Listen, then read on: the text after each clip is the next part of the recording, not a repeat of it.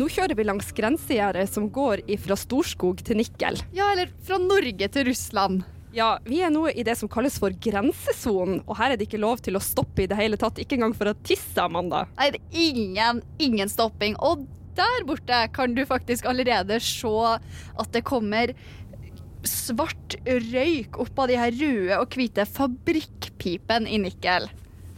Nå blir vi møtt av en militærkledd mann som spør etter passene våre. Ja, han kommer, og han pleier å stå her. Og han eh, kommer og vil gjerne se i bagasjerommet. Og han er, han er virkelig på vakt for å se om vi kan få komme inn i dette landet. Grensesona er offisielt over. Og det er Nikkelnext. Yes!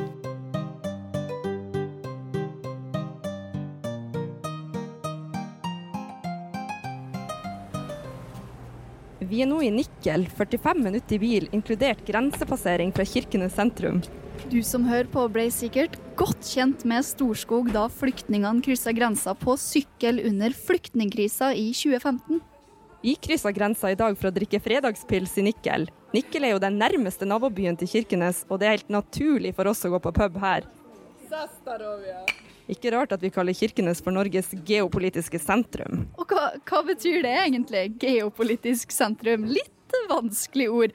Er det ikke så enkelt eh, som at Kirkenes er Norges svar på New York? En eh, stat i staten, men uten skyskraperne? Det kan du godt si, men jeg syns egentlig ikke at geopolitisk sentrum er en overdrivelse. For det er jo faktisk her Nato og Schengen møter Russland. Ja. Det er krasj, det er politisk slagkraft, det er toppen av verden. Ja. Og likevel så sitter vi vanlige dødelige på russisk side og koser oss med godt øl. Uten noen bekymringer. Og dama i baren elsker at vi kommer hit. Hun har til og med laga en egen Google Translate-meny på norsk for at vi skal føle oss hjemme. Det er koselig. Her, vet du. Å, kjære gjester, bestille i baren. Det er veldig koselig. Og tenk at alle som bor i Kirkenes kan sitte sånn her og ta fredagspilsen på russisk pub i Nikkel.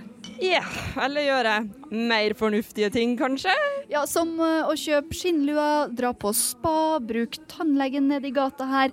Eller kjøre videre til Zapoljarny, som er nabobyen, for å se internasjonal ishockeykamp. Og det er helt vanlig at folk hiver seg i bilen og tar en sushidate, eller for å tanke opp bilen og snøscooterne med billig drivstoff før ferien. Ja, jeg må faktisk fortelle en historie der. Fordi jeg kom i prat med en kar på grensa rett før påske. Og han skulle fylle drivstoff, i lovlig mengde selvfølgelig, til scooterne og bilen sin, sånn at ungene kunne ha det ja, skikkelig artig på hytta. Og han har regna ut hvor mye han har spara på sine kjøreturer til Russland. Og det er, hold det fast, over 90 000 kroner. Wow! Det er jo helt sjukt, egentlig. Ja, at det går an. Men, men vi må til poenget. Det, det har ikke alltid vært så enkelt å passere den norsk-russiske grensa sånn som det er i dag. Niks. Og det er jo det denne første episoden skal handle om. Vi skal dykke ned i historien som har ført til at det er så lett og normalt å besøke naboen på andre sida. Vi skal få vite hvordan det var å vokse opp bak en hermetisk lukka grense, og hvordan storpolitiske hendelser har gjort det her mulig. Det blir spennende.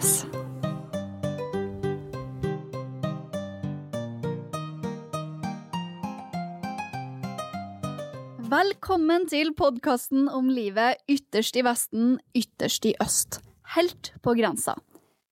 Jeg heter Amanda Aasberg og er multimediejournalist av utdanning og nyforelska i Russland. Og jeg heter Anja Zalo, og jeg har vel egentlig vært av og på Russland i 15 år. Det må man nesten kalle for et seriøst forhold. Ja, og fra spøk til revolver. Vi er jo da to innflyttere, som det heter så fint her i Kirkenes. Vi kom jo begge to opp hit uh, for å jobbe på det som Ja, det må være en av verdens mest spennende arbeidsplasser. Ja, nå høres det jo litt grann ut som at vi er programforplikta til å si akkurat det, men det er faktisk sant. Det er faktisk sant. Ja, vi jobber på Barentssekretariatet, og jeg kom opp hit for seks år siden, og det var topp stemning. Statsminister Medvedev var her, og vi hadde møtt vår statsminister Stoltenberg.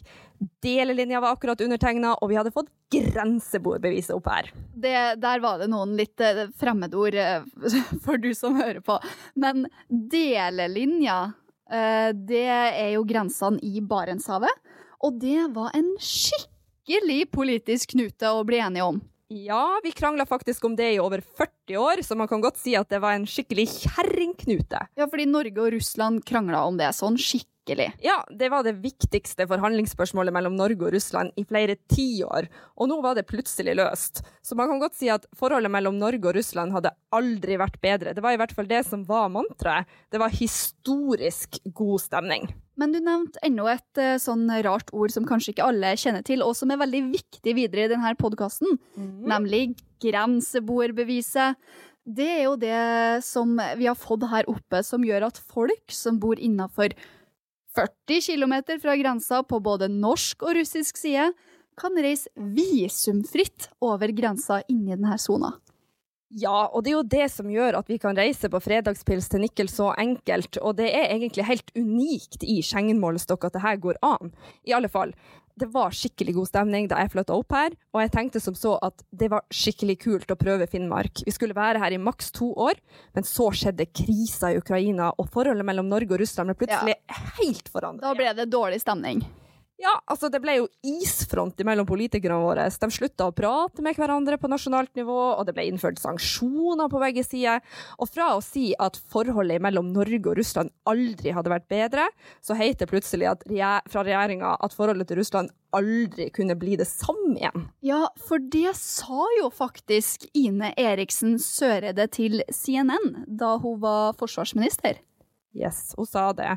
Og hun sa at forholdet til Russland er grunnleggende endra. Og så fort kan altså et naboforhold forandre seg. Men det gjorde plutselig vår jobb mye mer betydningsfull. Ja, for det er jo veldig det er jo negativt at, så, at naboforholdet blir dårligere. Men samtidig så eh, tenker vi jo da at det er viktig det vi holder på med i Barentssekretariatet. Ja, altså Både Norge og Russland synes at det her er så viktig at de støtter det fra begge sider på høyeste hold. Ja, Og det vi holder på med, det er kanskje ikke alle som uh, vet det, men det vi holder på med, kalles jo for folk-til-folk-samarbeid mellom nordmenn og russere. Vi støtter alle mulige slags prosjekter mellom vanlige folk og organisasjoner som vil samarbeide over grensa. Det kalles også for Barentssamarbeidet på fagspråket. Og i tida etter Krim så har altså vanlige folk sitt engasjement over grensa, det at folk spiller fotball med hverandre, eller at de synger i kor sammen, blitt en av veldig, veldig få plattformer som faktisk fungerer mellom Norge og Russland. Så her nede på jorda så betyr det at eh, vanlige folk driver utenrikspolitikk? Ja, det kan du godt si. Altså, det er folkelig diplomati. Det er dem som gjør denne jobben. Vanlige mennesker. Og det er kult. Men det som er enda kulere, kanskje ikke enda kulere, men det som er kult også, det er at det her støtter jo både Norge og Russland. Yep. Og det, det, har jo gjort at nasjonene faktisk må snakke i lag når de er uenige. Så alle toppmøtene som har vært mellom Norge og Russland siden Krim, har faktisk skjedd i forbindelse med Barentssamarbeidet. Ja, det betyr at de har noe positivt de kan snakke om også. Og det gjør det veldig interessant å jobbe her, spesielt for en russlandsnerd. Så jeg har blitt her, da. For man blir jo litt Russland-nerd av å bo her. Min fascinasjon for Russland starta faktisk før jeg flytta opp hit. Eh, det var da jeg var i Russland for første gang. Og fun fact det var faktisk et folk-til-folk-samarbeid som jeg var med på. Et kurs om russiske samer på Kola. Og du som hører på podkasten visste kanskje ikke engang at det bodde samer på Kolahalvøya eller i Russland, men det gjør du, Amanda, for du ble stranded ute på den russiske tundraen, gjorde du ikke? Jo, det er en litt uh, klein historie, men uh, vi kan vel si det sånn at uh, snøscootertur pluss snøhvit tundra, så langt øyet kan se, pluss spysjuka og sju lag med klær, det er ikke en drømmesituasjon. Oh. men, men, det ble jo løst, da. Og det ble løst med at jeg ble kjørt til en samisk leir bestående av tre hva man skal kalle skur eller hus. Ja, hus, vil jeg si. Eller tre brakker. Og de andre de forlot meg der, og opplevelsen den var ganske surrealistisk. Eh, jeg sto og kasta opp i en snøskavl utafor eh, det her huset. Og hver gang jeg så opp mellom de her rundene mine, så så jeg inn i to geiteøyer som sto og tygde høy ved sida av meg. Du drømte ikke, altså? Det var geit og ikke rein? Det var, det var geit, og, var det, og den var bundet fast til en trestolpe, og så hadde den en geitebaby. Geiteskilling heter det vel. men, men, poenget mitt Nå tok jeg den veldig ut her, men poenget mitt Da, da jeg følte meg bedre, så gikk jeg inn i det her skurlignende bygget, og der knitra det i en vedfyrt ovn. Alt var jo inne i ett sånn rom, så det var varmt, og det sto masse mat på et stort kjøkkenbord. Og så fikk jeg legge meg ned i varm og god seng. Åh, det var så fint. Og ja, på mitt mest sårbare øyeblikk, man er ganske sårbar når man er sånn sjuk, da fikk jeg kjenne på den russiske gjestfriheten. Åh, egentlig så er det en nydelig historie det der, Amanda. Og så var det kanskje ikke sånn som du hadde tenkt helt før du for, eller hvordan, hva tenker du etterpå? Nei, det var i hvert fall ikke så skummelt det her som jeg trodde før jeg skulle feire, og det var en skikkelig wake-up call. Og jeg har fått opplevd den eh, russiske gjestfriheten mange ganger i ettertid, og jeg vil for alltid ha et mer tillitsfullt forhold til russere etter det som skjedde der ute. Altså, egentlig så kan man jo si at Amanda, den historien din er jo et fantastisk eksempel på folk-til-folk-samarbeidet. Greia er at vi har masse fordommer mot hverandre, men når vi møtes, så ser vi at vi har masse til felles også. Ja, for folk er folk. Ja, og når vi blir kjent, så leter vi etter det vi har til felles, og da blir jo politikk og kulturforskjeller og språk det blir mindre viktig, og det skaper en helt unik tillit når man gjør ting i lag som man er like interessert i. Absolutt. Det er mjuk sikkerhet, egentlig det. Eller det er det vi kaller det for soft security. I et område av verden som er både militarisert, og det er strategisk viktig. Ikke bare for Norge og Russland, men for Nato, for USA, for Kina, for den saks skyld. Ja, og da er det ganske kult å bo her oppe når du vet at det har så stor betydning. Og en av de som har vært med på å jobbe fram det her unike samarbeidet over grensa, det er ordføreren i Sør-Varanger, Rune Rafaelsen. Han er kjent for å ville invitere den berykta presidenten Putin til Kirkenes neste år. Og Rune han vokste opp med å høre at eh, naboen på den andre sida av grensa var farlig under den kalde krigen. Og da er det veldig spennende, i hvert fall syns jeg det, ja. å høre hva det er som har trigga han til å bruke hver dag av livet på å få til samarbeid med russerne over den samme grensa. Vet du, det lurer jeg også på, uh, og det får vi forhåpentligvis svar på nå.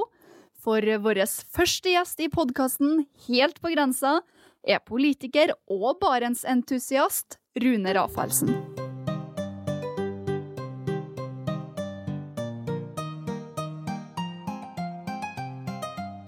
Velkommen i studio, Rune. Vi gleder oss til å høre dine tanker om livet her oppe på grensen til Russland. Ja, vi har jo mange ting vi lurer på, så vi starter rett på sak. Var du redd for Sovjetunionen eh, da du var en liten gutt? Nei, jeg tror jeg aldri hadde redsel for Sovjetunionen. Eh, hva det skyldes, det vet jeg jo ikke, men eh, jeg hadde et naturlig forhold til grensa og ble tidlig fortalt av foreldre og venner at eh, det var en nabo. og Når jeg første gang eh, oppfatta at det var et annet land, da var jeg kanskje ja, syv-åtte år. Jeg husker at man snakka om å jobbe i Borris. Dvs. Si jeg hadde onkler som jobba på kraftstasjonen der og bygde den.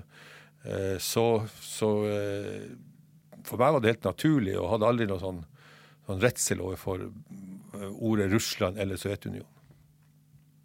Du fortalte at faren din hadde opplevd noe spesielt da han var ung, at han hadde vært soldat. Fortell om det. Ja, altså alle som har vokst opp her i området, har jo et forhold til, eh, til det og, og til, til, til, Russland. Og også min far, som nå er over 90 år, eh, fikk tidlig et forhold. Han, eh, hans bror den ble arrestert av tyskerne og satt i leir i Magadalen fordi de nekta å jobbe. Og Det er klart at det de så eh, i Magadalen, hvordan eh, russiske krigsfanger eh, ble, ble behandla, satte et dypt spor. Og spesielt hadde min, min, onkel også sterke opplevelser knytta til, til, det å være der. De, de, så flotte folk der, de ble forelska i russiske jenter. Så det var en, veldig spesielt for unge gutter å sitte i en leir.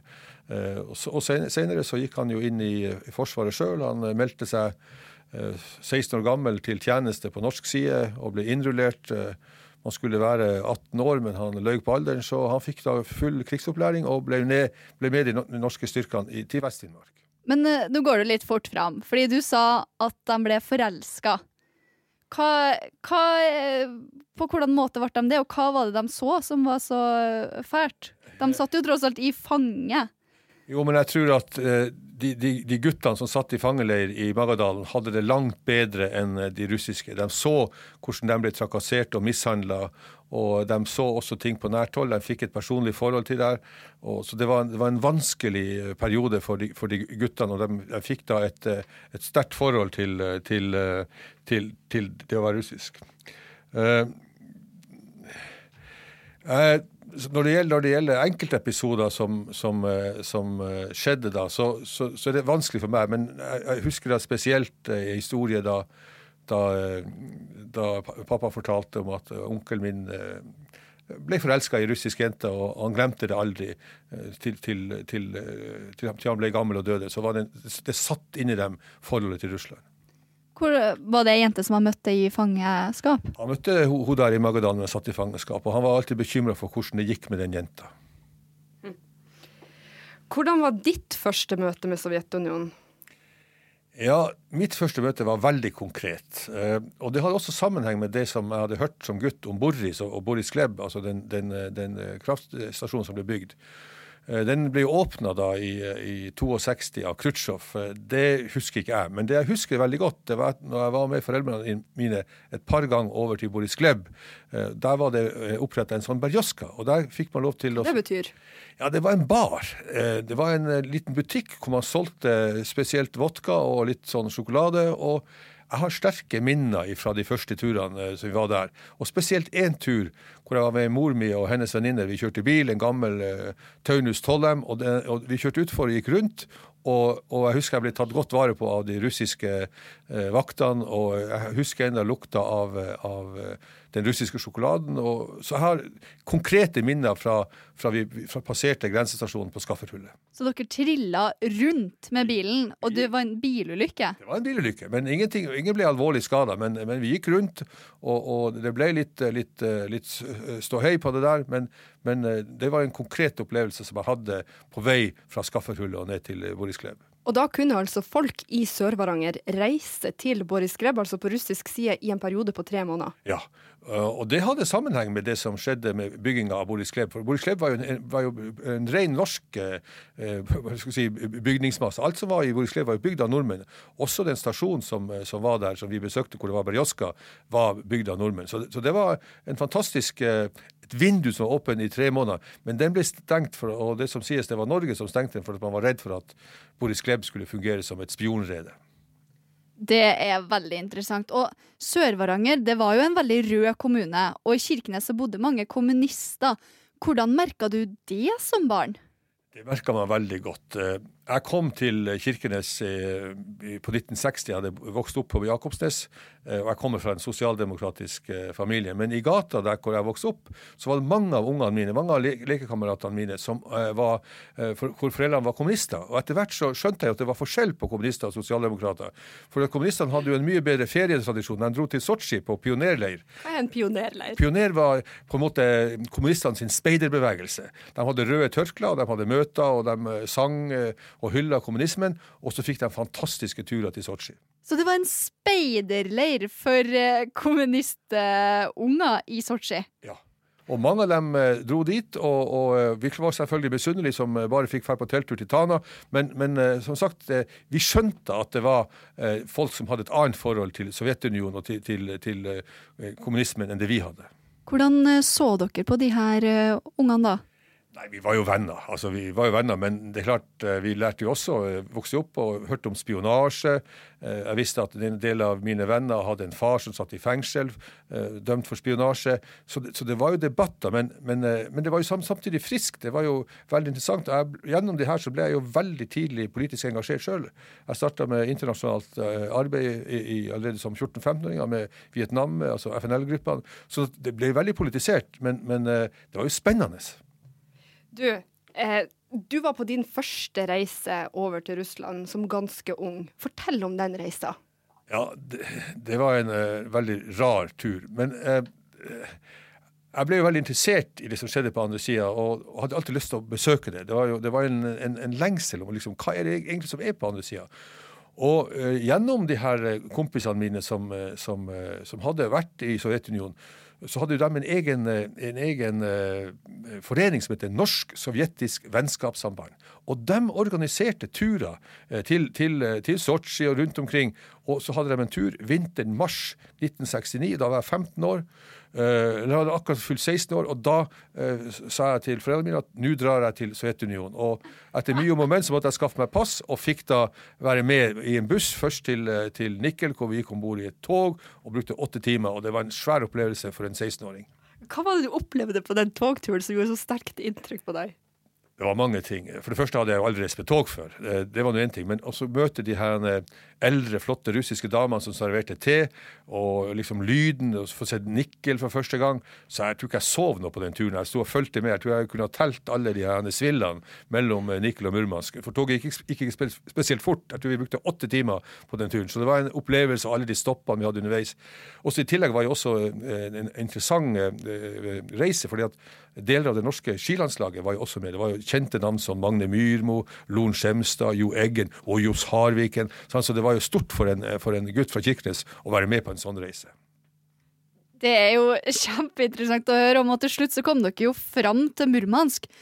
Er jeg lurer på hva du opplevde der, og er det noe du kan trekke fram som gjorde litt spesielt inntrykk eh, for det når du kom til den her store byen? Ja, den gangen var jo eh, Murmansk en by på nesten en halv million. Det var en svær by.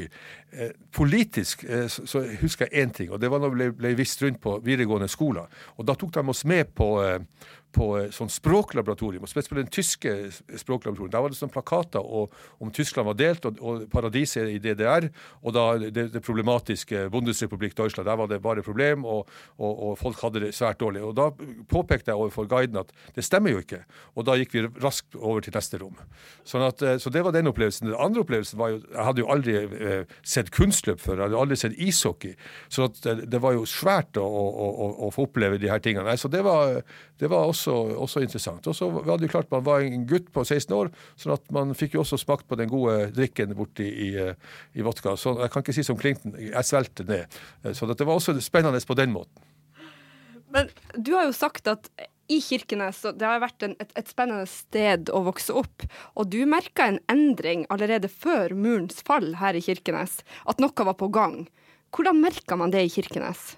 Eh, 88 var det stor trafikk eh, over Storskog med torgselgere. Altså Det ble en helt andre. Jeg husker vi reiste over grensa. Du trengte nesten ikke visum. Det var veldig slapt, for å si det sånn. Altså, det, var, det, var, det var et eller annet som, som var i ferd med å, å endre seg. Eh, jeg husker jeg var med rundt omkring på eh, Nikkel og Zapolania. Det var da på denne tida så var jeg, tror jeg ble rektor på Bjørnvatn skole. Så jeg var med på, på mye sånn. Det, var, det var tydelig at ting, ting var på gang. Sånn at eh, Jeg pleier å si at når muren falt i, i eh, november i Berlin i, i 89, så hadde vi allerede merka det et år før. Men vi skjønte jo selvfølgelig heller ikke at det her skulle være konsekvensen. Eh, Men, men det ble et tøvær allerede i 88. Da skjedde det ting på grensa her. Så du noe Du, du nevnte de torgselgerne. Så du det i byen? At de var her? Kom de hit? Ja, ja, du så det i bybildet her. altså Det ble en helt annen det var, det var, det var, Og det var ikke bare en gang i måneden, det var hver dag. altså Du, du så at noe var i ferd med å skje. Og du så også det når du var i, i, i, i, Sovjetunionen eller, eller, den tida, at, at ting var, var på gang. Eh, veldig mye var i ferd med å gå i oppløsning. Eh, det ble altså Du, du merka at folk sleit eh, eh, i, i nærområdet. Jeg vet jo at, de, at du etter hvert så ditt snitt til å utnytte her. Og kan ikke du fortelle om den luftballongmiljøaktivisten Rune? Hva i Guds navn var det for noe? Ja, Det hadde flere årsaker. For, for det første så slutta jeg som rektor og begynte å jobbe med prosjekter, og, og spesielt innenfor reiseliv. Og jeg har alltid likt å gjøre ting som ikke gjort før. Og eh, når jeg ble kontakta av, eh, av eng engelske eh, ballongfarere som hadde også et miljøperspektiv eh, De hadde bl.a. Eh, noe som heter Save the Earth, Act Now. Eh, og vi hadde akkurat da satt i gang eh, denne eh, Stopp eh, fra Sovjet. Eh, eh, å kombinere det her var, så jeg som en mulighet. Og jeg brukte mange år på å få det her til, men det endte iallfall opp at vi etablerte noe som heter Arctic Sky Balloon Fiesta. Og på, på, den, på den første festivalen vi hadde i, i 91, så hadde vi 28 ballonger fra hele verden. Altså Det var flere hundre mennesker som var engasjert. Og da fløy vi bare her på norsk og finsk side. Men så fant vi ut at det her må vi jo prøve å gjøre på russisk side. Så, vi, eh, så jeg kontakta da eh, myndighetene på, på, på russisk side. Jeg hadde veldig nært samarbeid med grensekommissæren eh, på norsk side. For det her var problematisk. Og det var masse diskusjoner. Ja, Dere skulle jo fly over grensa. Ja. Det var litt problematisk. Det var kanskje. problematisk. Det fikk vi for øvrig heller ikke til, iallfall ikke offisielt.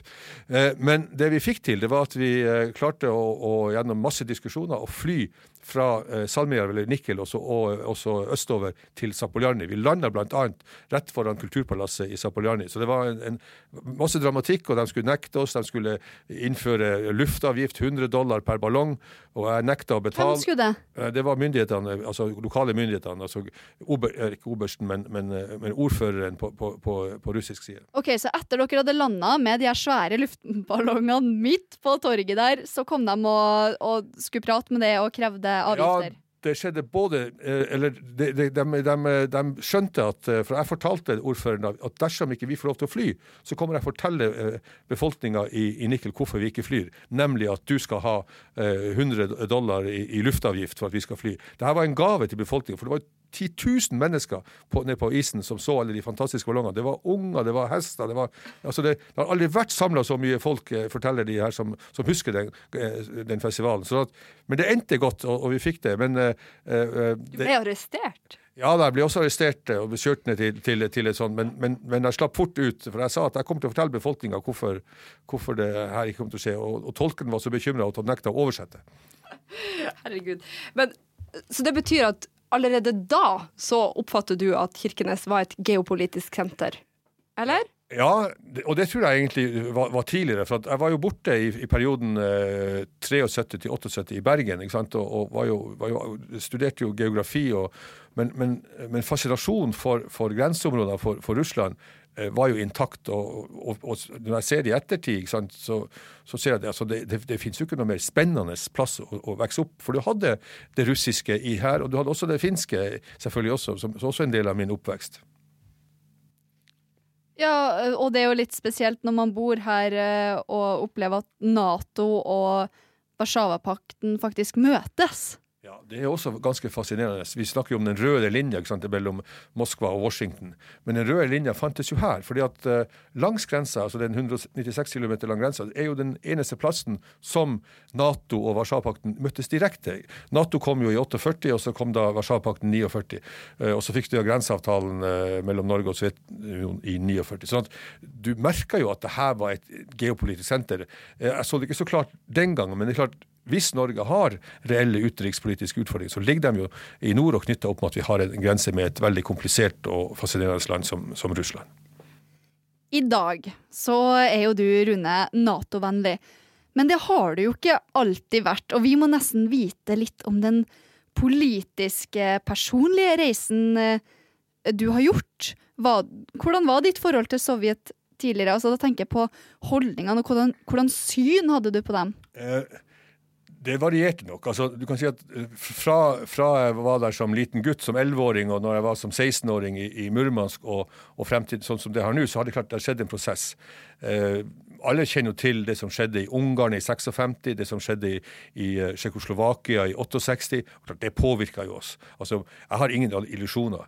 Eh, men men eh, jeg hadde jo også en periode hvor jeg, hvor jeg, hvor jeg også mente at, at, at Sovjetunionen hadde liksom planer sånn, og, ta- og, sånn, og så videre.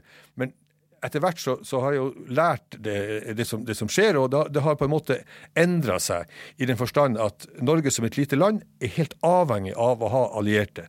Og for meg så, så, så eh, er det helt åpenbart at eh, et, et sterkt Nato og et sterkt eh, norsk engasjement i Nato er en sikkerhet for at jeg kan holde på som jeg gjør, nemlig at vi har en trygghet i at vi har en, en, sterk forsvarsallianse. Men hvordan har du sett på denne russegrensa? Har du sett på det som en begrensning, eller hvordan har du følt det? Ja, altså, Da jeg starta med, med, med utvekslingssamarbeid da jeg var, jeg var, da jeg var lærer eh, og, og, eh, og, og rektor, så, så ble jo grensa da en mulighet. Altså, Jeg så jo at hvor fantastisk interessant det var for ungene våre, hvor interessant det var for lærerne. Og jeg sjøl ble jo engasjert eh, og ble gode venner med, med lærere og rektorer borte på russisida, og som jeg fremdeles har kontakt med. Sånn at, sånn at grensa ble jo en mulighet. Det ble jo interessant også for, for, for, for dem på russisk side og på norsk side. Altså, det høres jo ut som at det var veldig mye samarbeid over denne grensa allerede før Thorvald Stoltenberg tok initiativ til Barentssamarbeidet. Hadde man da egentlig eh, Var det nødvendig å få til et sånt her formalisert eh, samarbeid over grensa, da, sånn som du ser det? Jeg tror det var helt avgjørende. Altså, når man møttes her i 11. januar i 93, så fantes det eh, allerede veldig gode samarbeidsrelasjoner. Noen hadde holdt på lenge før, før, før skolesamarbeid osv. Eh, jeg tror de første offisielle dokumentene eh, som er mellom Sørland kommune og, og Bersen kommune, er fra 72. altså Den, den daværende ordfører Arnt Isaksen. Så, så, så gammelt er det. Men det at du fikk en formalisert, fikk etablert eh, Barentssamarbeidet, var helt avgjørende. Jeg pleier å si at ved siden av Nato-medlemskapet vårt i, i 48, så er det som skjedde på grensa her i, i, i januar 93 det viktigste i norsk utenrikspolitikk. Desidert. Og så har du da det som skjedde da i, mars-april 2010, hvor man fikk da til en delelinjeavtale. Men det her at vi fikk til et organisert samarbeid, gjorde jo at vi fikk en helt annen vekst i, samarbeidet. Og den, apropos den delelinja, så kunne jo du spå det her lenge før. Er det pga. plasseringa? Ja, altså eh, jeg husker jeg hadde et møte i januar i eh, Moskva, i slutten av januar, med da, daværende, som eh, nå er ambassadør i, i Island, Anton Vasiljev. Og vi, vi, hadde da et møte med politikere, og da ble det snakk på bakrommet om besøket da, til Medvejev til, til, til, til Oslo. Og jeg la jo også merke til at Medvejev skulle være tre dager i Oslo og bare én dag i, i København. Sånn at det var helt tydelig at noe var på gang. Og, og litt senere på, på, under samtalen, og, og, vi hadde spist litt og så drukket litt, så, så, så kom det jo litt, litt uh, over bordet som, som, gjorde meg veldig trygg på at dette ble en historisk dag. Og det fikk jeg på en måte også bekrefta. Så at, at, da skrev jeg at, at jeg garanterer at det blir en delelinjeavtale mellom Norge og, og, Russland når Medvedev kommer, kommer til Oslo. Det skjedde jo, men jeg ble jo, jeg ble jo eh, kritisert enormt for, for, å komme med en sånn postulat. Men det er veldig spennende, og det gjør meg ganske interessert i det som ordfører, eh, Rune. Fordi hvordan var din første tid som ordfører i Sør-Varanger? Og det var jo litt spesielt med flyktningkrise. og Kan ikke du fortelle litt om det her samarbeidet som måtte til med din kollega i Nikkel? Ja, altså, jeg ble ordfører i slutten av av september, eller, eller, var det, eller var det, var det i, altså Jeg husker ikke nøyaktig datoen, men iallfall det første jeg gjorde etter jeg var innsatt eh, som ordfører, var å dra til Nikkel. For da var det jo begynt å eskalere, det som skjedde. Altså Det var en helt spesiell situasjon at det kom mellom 100 og 200, over 200 flyktninger eh, over grensa på Storskog. Det var jo, eh, altså det var jo helt eh, absurd. Og Jeg var jo flere ganger og så der oppe før jeg ble ordfører. Men da jeg satt meg i bilen dagen etter og så gråtende barn på grensa, møtte syklister, eh, det lå klær, det var containere, det var telt altså Det var en helt uh, utrolig situasjon. Og da da møtte Aleksandr Morozov, min kollega, vi satt oss ned og prata, vi var helt, helt uh, så Vi ante ikke hva vi skulle gjøre. Han, han var jo virkelig i villrede, for han hadde jo fullt kaos i, i Nikkel. Det var flyktninger overalt, de lå i gangene osv. Der hadde satt ned en egen eh, kommisjon for å se på det her. Til og med FSB var med i den kommisjonen. Man visste ikke. Så det var en utrolig spesiell situasjon. Så når man da får eh, spørsmål fra nasjonalt nivå om det her egentlig var et eh, hybridkrigangrep fra Russland, hva tenker du om det da? Jeg tenker at sånn analyse er helt feil det kom overraskende på Norge og på Erna Solberg, og jeg tror det kom minst like overraskende på eh, Vladimir Putin. Eh, Dette var en situasjon som, eh, som, ikke var forutsett, men jeg tror at eh, det som skjedde i 2015, i, i, høsten, var at du hadde en enormt trykk når det gjelder flyktninger over, over, Middelhavet. Man så en eh, mulig eh, korridor. altså Kom du der fra, fra, fra, fra, Bagdad eller fra Damaskus eller fra Kairo til, til, til, Moskva, så var det mulig å komme seg til Murmansk. Det fantes et system som var satt opp. altså det var, det var, det var Men kunne ikke FSB ha stoppa dem på checkpointsene? Jeg tror ikke de kunne ha stoppa dem i første omgang. Jeg tror det her var veldig godt organisert. Jeg tror korrupsjon er ganske omfattende også i det russiske forsvar. Jeg tror det var folk som tjente penger på det her. Jeg tror at eh, det her operasjonen som, som skjedde på grensa, ikke var eh, orkestrert av FSB. Jeg tror det her var, var tyngdekraften av, av, korrupsjon, og at det var en mulighet, og det var en billig måte å komme seg til Vesten. Det var ingen interesser fra, fra, fra russisk side å ha eh, masse flyktninger i grenseområder. Så at, eh, etter hvert så innså man at det her måtte man få stoppa, og det ble det altså stoppa i slutten av eh, november. Det er jo en liten uh, elefant i rommet, eller ikke elefant i rommet, men det er litt interessant å spørre deg om, fordi i boka til Øystein Bogen så blir du beskyldt for å være så Russland-vennlig at vi ikke kan ta det du sier alvorlig, mener han. Men hvordan opplever du å bli sett på som en femtekolonist? Altså, altså, jeg har, jeg har jobba med Russland stort sett hele mitt liv, eh, og, og, og, jeg er engasjert og ønsker at vi skal ha dialog. Eh, jeg kan ikke på en måte bruke min energi, politisk energi til å, å, bekjempe samarbeid eh, med Russland. Jeg mener at vi skal ha dialog, og spesielt i de her tidene hvor det er sanksjoner. Da er det enda viktigere med dialog med russisk side. Men det er klart, jeg har ingen illusjoner om at de kan misbruke mine utsagn. Men det som jeg har sagt, og det sier jeg hele tida, at for, for, for det her samfunnet og for Norge, så det beste det at vi får til denne type samarbeid som vi har nå, det må vi prøve å utvikle på alle områder, og gjerne også mer økonomisk. Jeg har sagt at det viktigste i norsk fredspolitikk det å få til store, komplekse industrisamarbeidsprosjekter med Russland på olje og gass. Men er det noen som har eh, påpekt til det personlige, at de reagerer på utsagnene dine? Ja, jeg har, jo fått eh, fra ganske høyt hold eh, liksom, eh, orientering om at jeg er på en måte russlandsvennlig. Og det er jo helt rett, jeg er jo russlandsvennlig. Som ordfører i, i Sør-Varanger så skal man ha en, en, åpen holdning til det her når det gjelder samarbeid med Russland. Jeg leder også Rådet for grensekommuner i nord. Og for, for, meg som, som, politiker så er det å skape siviliserte og gode arenaer, sånn at vi kan ha et omfattende folk-til-folk-samarbeid. I forrige uke, altså forrige helg, så gikk det eh, Så var det pride her i Kirkenes. Barents pride. Mm. Eh, I kjølvannet av det så har du fått litt kommentarer både fra den ene og den andre sida. Ja, jeg la jo merke til at eh, samme dagen som det var Barents Pride i Kirkenes, så hadde da ledende folk innenfor eh, Helsingforskomiteen og Amnesty, og også, også den, den, bevegelsen altså for, eh, for, for lesbiske homofile, en, en, artikkel hvor de også anklaga meg for ikke å gjøre nok. og Blant annet så kobla de også da det at jeg hadde foreslått overfor regjeringa at man burde invitere, eller iallfall vurdere å invitere Putin til Kirkenes i forbindelse med, med jubileet for frigjøringa. Og, og, og, og den, den, den sammenligninga syns jeg er veldig uheldig. så Derfor så spurte jeg de folkene som organiserte om de ønska at jeg skulle være i toget i det hele tatt.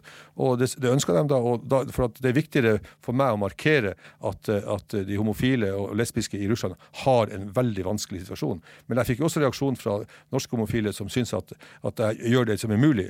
Men jeg fikk jo også spørsmål da jeg var i går i Nikkel. da Først jeg fikk fra, fra en høy offisiell russisk representant, det var hvorfor jeg gikk i, i Barents Pride. Og Da sa jeg at, at, at jeg syns det er helt naturlig at de, de homofile og lesbiske har akkurat samme rettigheter som alle andre i, i Russland. Så du fikk eh, kommentarer både fra eh, norsk side, som mente du ikke gjorde nok da altså for homofiles rettigheter i Russland, regner jeg med. Ja. Uh, også i tillegg, når du da reiser over til Nikkel uh, noen dager senere, så får du kritikk der for at du har gått i fremst i toget. Ja, så, sånn er situasjonen. Men jeg, jeg, er veldig glad for at Helsingforskomiteen og Amnesty bor 2000 km unna Kirkenes. For jeg tror at hvis man skal ha en sånn type dialog, eh, så, så vil man ødelegge det som er grunnlaget for folk-til-folk-samarbeidet. Men Rune, homofile, lesbiske og transpersoner lever jo under et veldig hardt regime i Russland pga. loven mot homofil propaganda som i praksis gjør, uh, gjør, det lov å være homofob, og de homofile kan ikke vise sin kjærlighet offentlig, ja, fordi mindreårige kan ta skade av det, da. Og eh, annekteringa av Krim er jo et annet eksempel, som jo var i strid med folkeretten. Eh, og så har du da tatt initiativ til å invitere det her statsoverhodet, altså invitere Putin til Kirkenes i forbindelse med frigjøringa. Eh, er det lurt?